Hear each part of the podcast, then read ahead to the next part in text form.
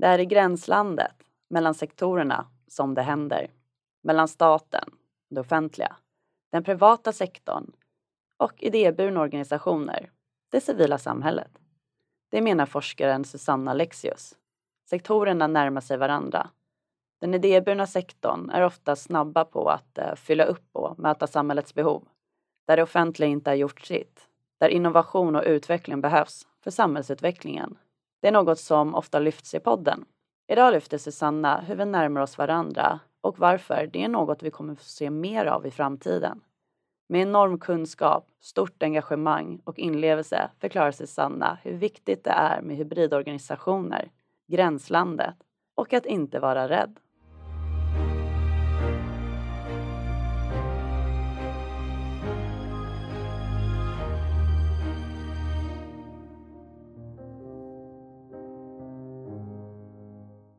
Hej och välkommen till podden Idéburen välfärd och veckans avsnitt.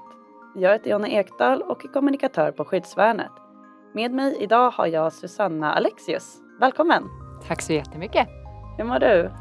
Jag mår kanon faktiskt. Kul att vara här. Ja, Härligt! Vill du berätta lite grann vem du är? Ja, vem är jag?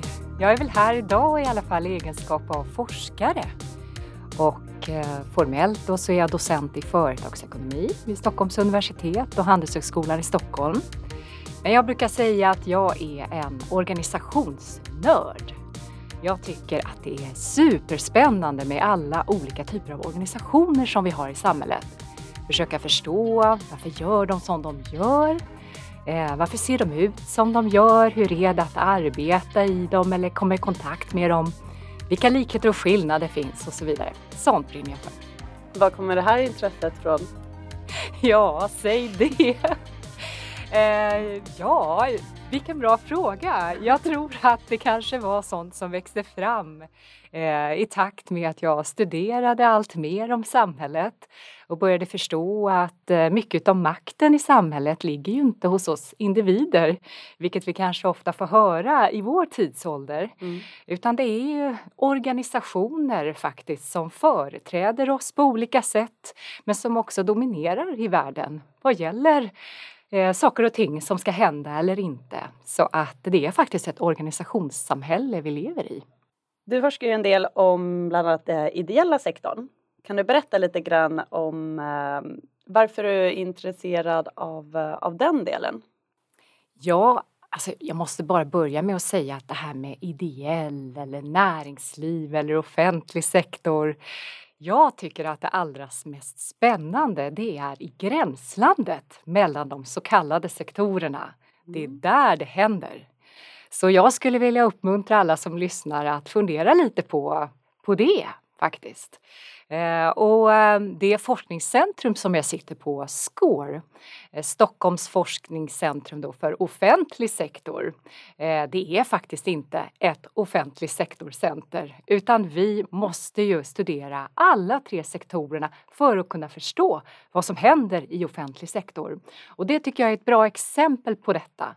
Att för att se hur samhället utforskas och utvecklas på olika sätt eh, så behöver vi lite bredare verktyg och inte bara snäva in oss till en enskild sektor eller en enskild organisationsform. Hur skulle du beskriva gränslandet? Ja, det kan ju till exempel handla om en förening eller ett förbund som börjar göra affärer, som börjar sälja saker och ting. Och då har man ju ibland då höjt ett varningens finger och tänkt att där, nu går man ifrån sin ideella logik och mm. var ska det här leda? Nu är det uppdragsglidning, säger man, mission drift på gång. Vi kommer att bli företagslika, allt kommer bli en marknad. Men det visar ju bland annat våran forskning att det inte alls så säkert. För ideella organisationer har ju naturligtvis behövt resurser i alla tider. Och varför inte sälja något som ligger i linje med det egna uppdraget? Så det är ett exempel på saker som kan hända i gränslandet mellan sektorer och logiker. Ja, det är precis som att vi på Skyddsvärnet har ju second hand-butiker. Exakt så! Mm. Mm. Och det behöver ju inte vara något fel med det så att säga. Ett annat exempel på det är ju RFSU som jag har studerat i flera studier. Och de är väldigt spännande därför att de eh, hela tiden sedan starten faktiskt 1930-tal eh, har haft egen kondomförsäljning med mera och också egen klinik så att verkligen tangerat alla de här olika logikerna, den vetenskapliga, den affärsmässiga och så civilsamhällets politiska logik. Skulle inte du kunna berätta lite mer om eh, om du skulle kunna ge lite fler exempel på de här gränslandsorganisationerna, mm. företagen mm. som eh, vi kanske inte tänker på faktiskt är sådana? Mm. Ja, alltså det finns ju väldigt många idag och jag tror det viktigaste att säga om det är att det behöver inte vara ett problem om man har tungan rätt i mun här. Eh, och precis på samma sätt som att man i näringslivet idag närmar sig kanske civilsamhället och offentliga åtaganden i att man ska ta ett större ansvar till exempel för miljön och det sociala så ser vi alltså också idag hur det offentliga men framförallt då ideell sektor närmar sig näringslivet då men också också ett offentlig sektoråtagande faktiskt. Så vi ska liksom inte vara så rädda för det. Men ett, ett, ännu ett historiskt exempel som jag tycker är spännande det är ju eh, försäkringsbolaget Folksam som vi har studerat i flera studier. Eh, och Folksam startade ju då eh, på, på uppdrag av KF, alltså Kooperativa förbund på den tiden, eh, som ett sätt att både eh, få in resurser till rörelsen och att faktiskt åtgärda ett marknadsproblem.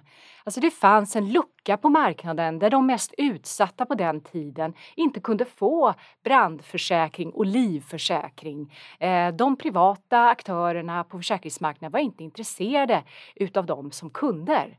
Och i det här fallet kunde man då få en win-win lösning där man både kunde erbjuda en produkt som alltså ingen annan riktigt erbjöd till den här gruppen och samtidigt värva medlemmar och få in resurser för att kunna driva sin politik.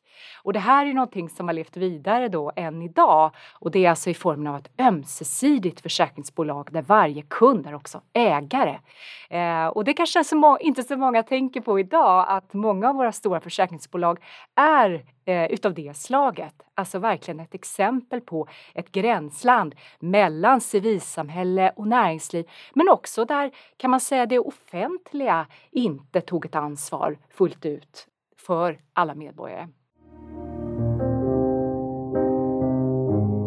I slutet av sommaren i år så släppte du en eh, ny bok som heter Att leda komplexa uppdrag.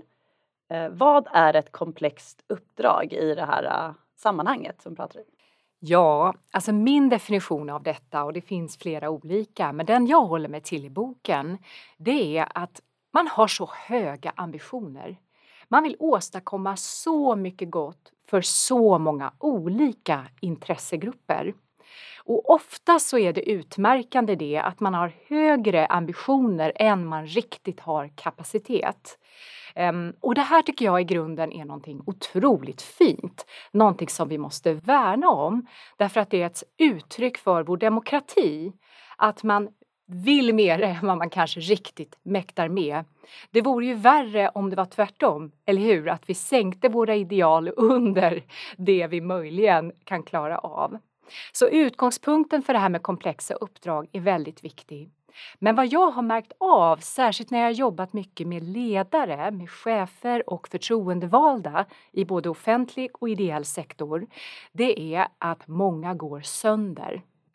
Många mår otroligt dåligt på uppdrag av det här slaget och kanske helt i onödan enligt mig. Därför att man har en ambition att allt gott ska genomsyra alla verksamheter som ryms i uppdraget. Och det ska se ut på samma sätt eh, och man ska ha det här perfekta systemet, den röda tråden och så vidare. Man blir helt enkelt en sucker på förenklingar och eh, eh, vad jag skriver mycket om i den här boken är mål och resultatstyrning. Det här med pinnjakt men också att man på olika sätt går in med abstrakta system i verksamheter där det här kanske inte riktigt passar. Och man gör det ofta därför att man tänker att det här är ett sätt att faktiskt åstadkomma allt det goda.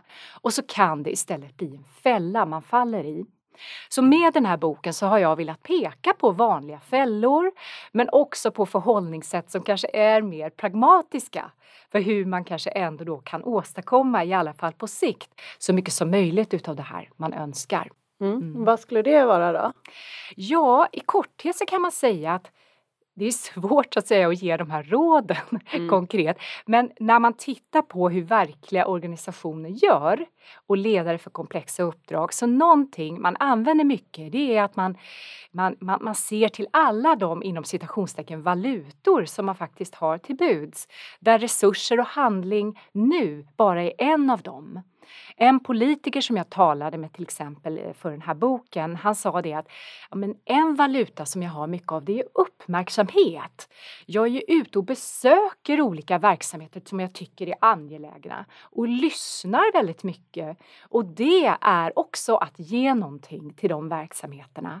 Sen är jag ute och pratar och jag kanske lovar, det har jag mycket av också för jag vill ju väldigt mycket.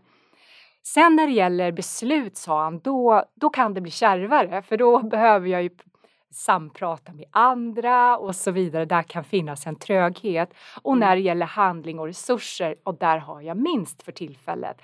Men ofta kan man se att de som trivs med sådana här uppdrag, de använder sitt omdöme för att se, okej, okay, vad är det vi ska ha? Till exempel en plan, en utredning, ett besök. Var är det vi ska sätta igång en pilotverksamhet här och nu? Och så vidare. Så att man kan säga att man hanterar den här mångfalden av, go av höga, goda ideal, höga ambitioner genom att ge olika saker till de olika målen och ambitionerna. Och på det sättet får man resurserna att räcka. Och vad som också är viktigt med detta är just det här med hållbarheten. Att orka bära allas förhoppningar och hålla hoppet uppe om att man kommer att ta tag i frågor. Så ett konkret sätt man kan göra också det är ju att börja med några saker och säga vi har börjat här. Allt det här andra är också väldigt angeläget. Vi har börjat här. I näringslivet så har man mer talat om att det är fint att prioritera bort. Men för verksamheter med riktigt komplexa uppdrag i offentlig och ideell sektor så är ju det att betrakta som en dödssynd enligt mig. Mm. Man får väldigt mycket kritik på halsen i onödan om man säger att man så att säga inom citationstecken har varit duktig och gjort en tydlig plan och prioriterat bort vissa. Då är det bättre menar jag att på det här sättet ge det man kan i, i olika frågor. Varför var det viktigt att den här eh, boken gjordes, eller den här forskningen? Ja, det, det är faktiskt roligt att, eh, eller både kanske roligt och tragiskt, att jag har fått mycket kontakt nu efter boken kom med personer som jag inte känner men som har läst boken och som skriver till mig att de känner sig lättade av att ha läst det här.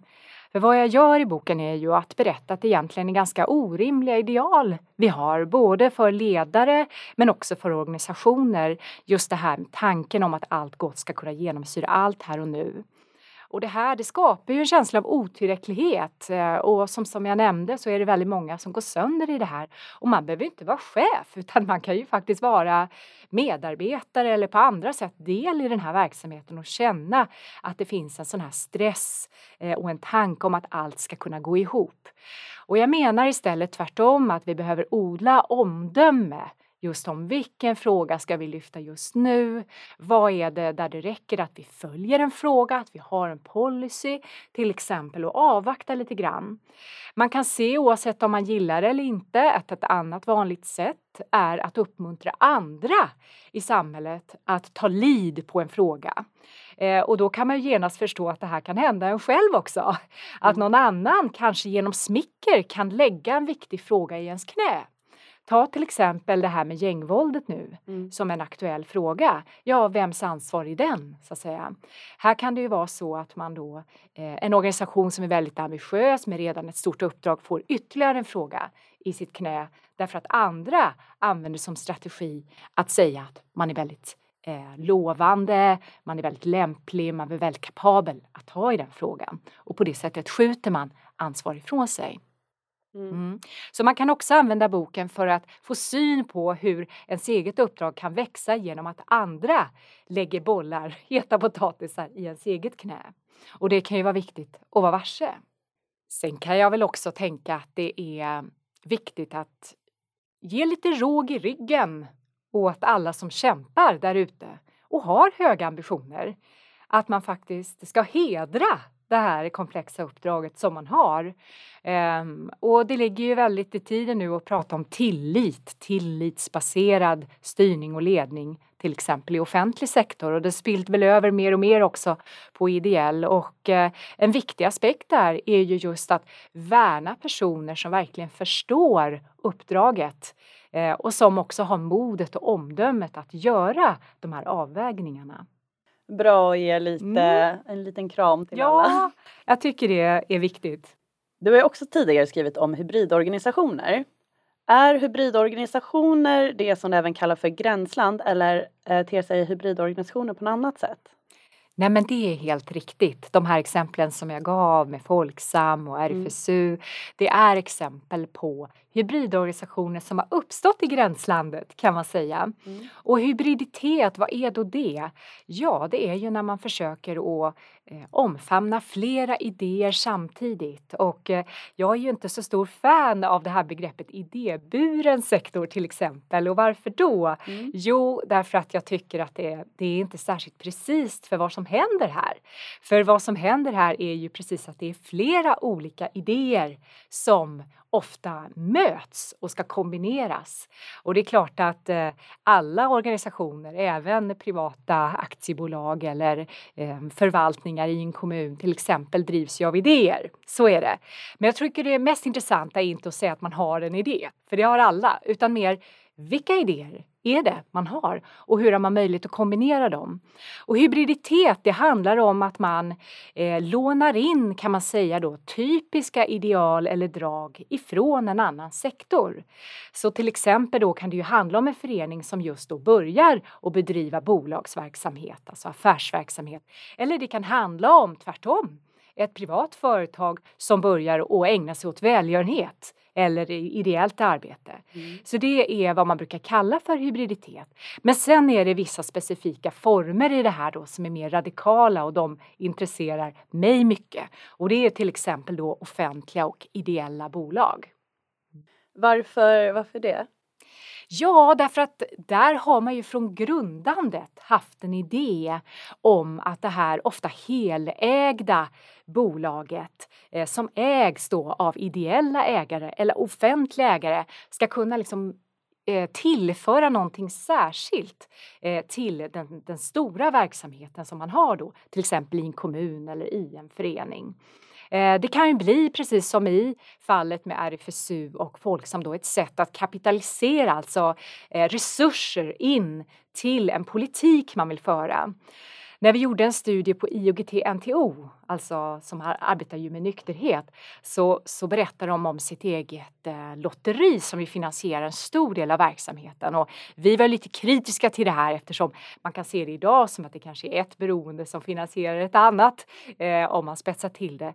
Men man menar från IOGTs sida att det här var ju ursäkta språket då, men fuck off-pengar. Alltså det här var ju egna medel som man kunde göra det man behövde med.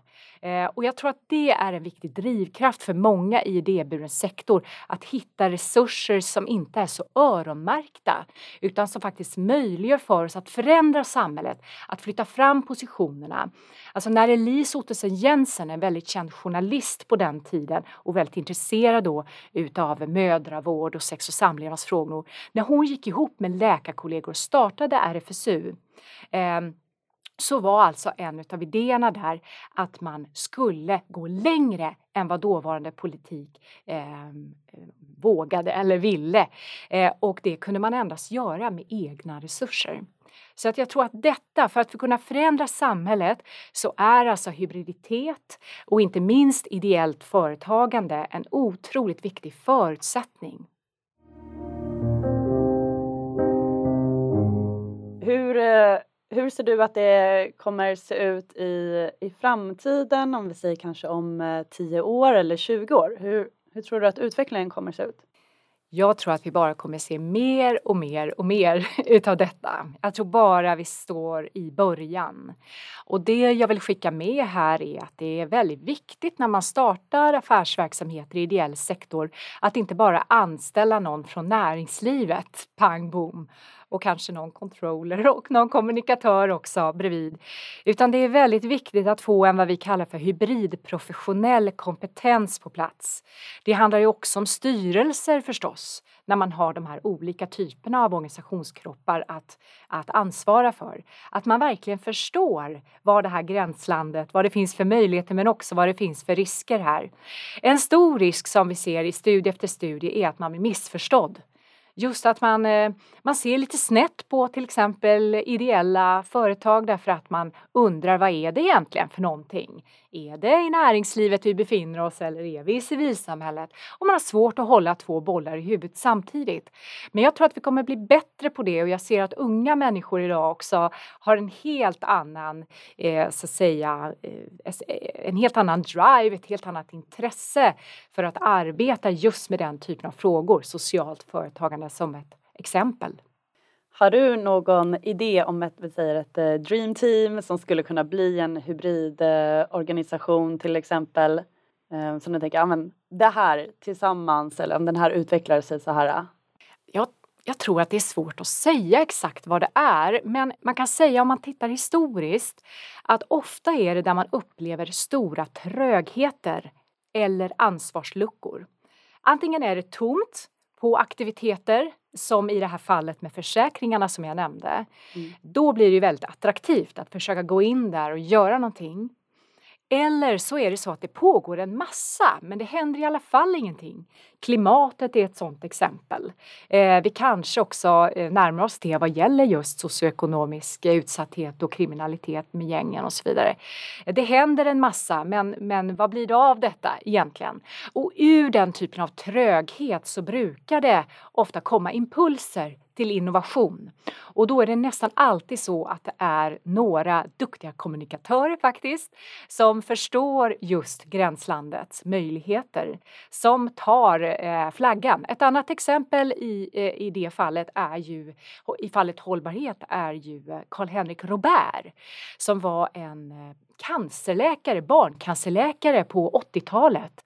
Han såg ju hur alla eh, verkligen samarbetade kring de här cancersjuka barnen och släppte det oväsentliga och verkligen gick in och samarbetade.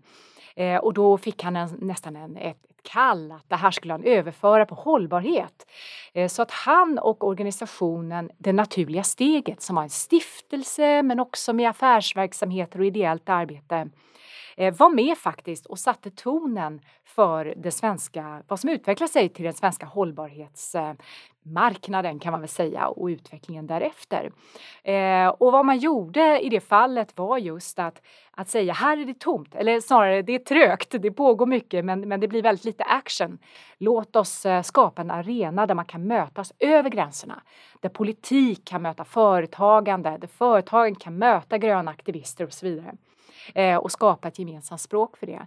Så jag tror att ur trögheter, frustration, men också där man ser luckor på verklig action. Eh, där kommer den här typen av initiativ att springa fram. Men det är väldigt svårt att eh, förutspå exakt eh, mm. hur det kommer gå till.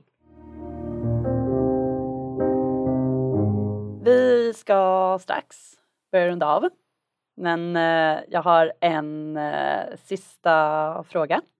Och eh, det är om vilka möjligheter och faror eller hot som du ser för den idéburna sektorn eller den ideella sektorn mm. de närmsta tiden framöver?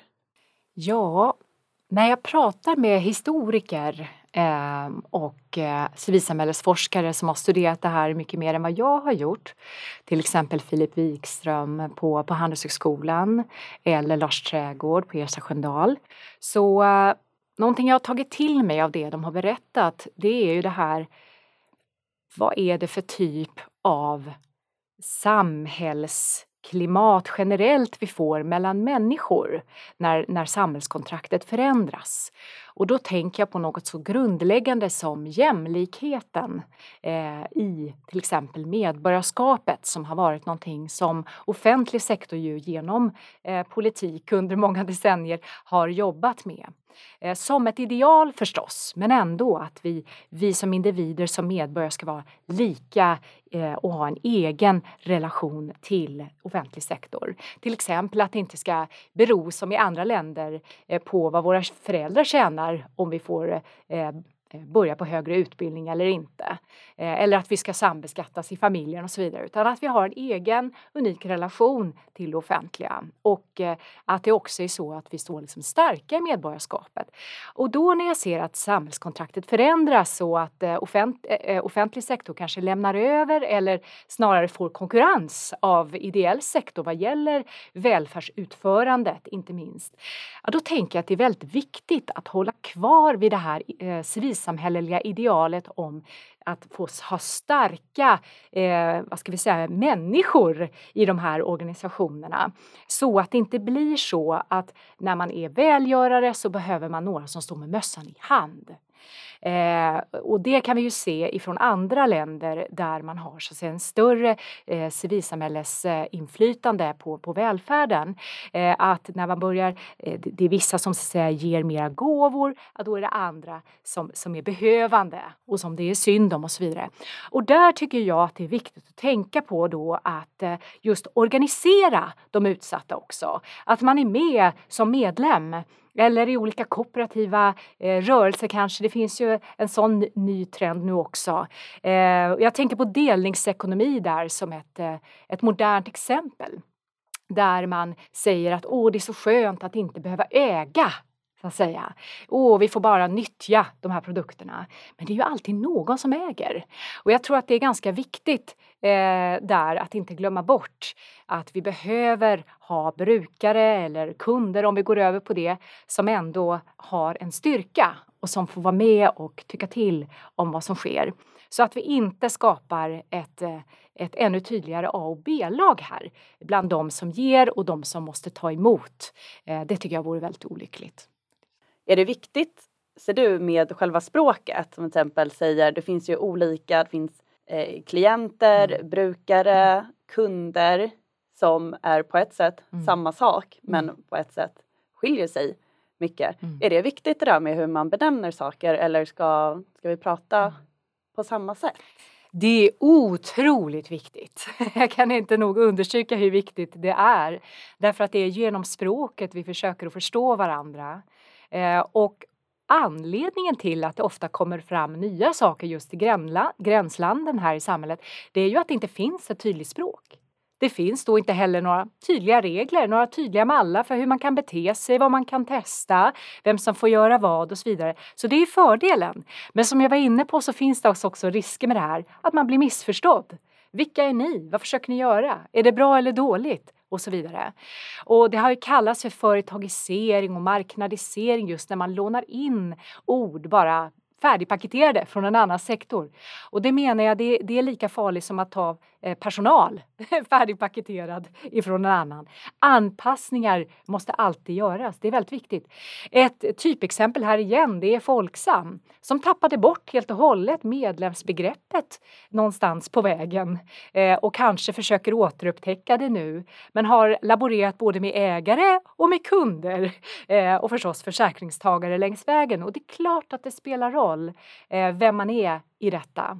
Eh, känner man sig som en ägare eh, det ligger ju någon styrka i det. Är brukare, det sänder helt andra signaler, tänker jag. Så att det här eh, är verkligen på pricken någonting väldigt viktigt att tänka på eh, när man förändrar samhällskontraktet. Vilka blir rollerna? Eh, vem blir jag i det här nya och är det här ett samhälle vi vill se? Mm. Mm. Då har jag faktiskt bara en absolut sista mm. fråga. Och det är en fråga som jag ställer till eh, alla gäster. Mm. Och det är om du kan berätta någonting om dig själv som är lite oväntat eller roligt. Ja, det skulle väl vara då att jag eh, har blivit så otroligt intresserad av att bygga hyglar. Ja, Vad är det? Ja, det undrar man ju, eller hur? Ja. Ja, det här det har ju med trädgård att göra och det betyder hög på tyska. Och vad det handlar om det är att istället för att åka till tippen med allt sitt avfall om man nu har trädgård så bygger man som en limpa utav detta och så planterar man i den. Och jag bor i ett sånt här nybyggt område där det är massa grannar som vill köra bort en det ena och det andra. Men då har jag tagit hand om det istället och eh, planterat en massa i det här. Så det är väl en delningsekonomisk win-win-win, tänker jag. Gud vad roligt. Vad intressant. Jag blev direkt sugen på att ta upp mobilen och kolla. Ja, men det måste du göra. Det ska vara halvförmultnade stockar i botten. Så ska det vara lite grenar och kvistar och sen lite löv. Och det fina är ju då att du behöver inte köpa in en massa jord utan bara lite, lite tunt jordlager på toppen och så är det bara att plantera i det där. Vad fint. Ja, Ja. ett tips. Ja. Eh, ja, men ja, tack så jättemycket för att du ville komma hit. Tack så hemskt mycket för att jag fick komma. Tack. Och om du som lyssnar har tips på ett ämne eller en gäst som du vill att vi ska ta med i podden, Skriv då till nyheter skyddsvarnet.se. Tack för att du har lyssnat.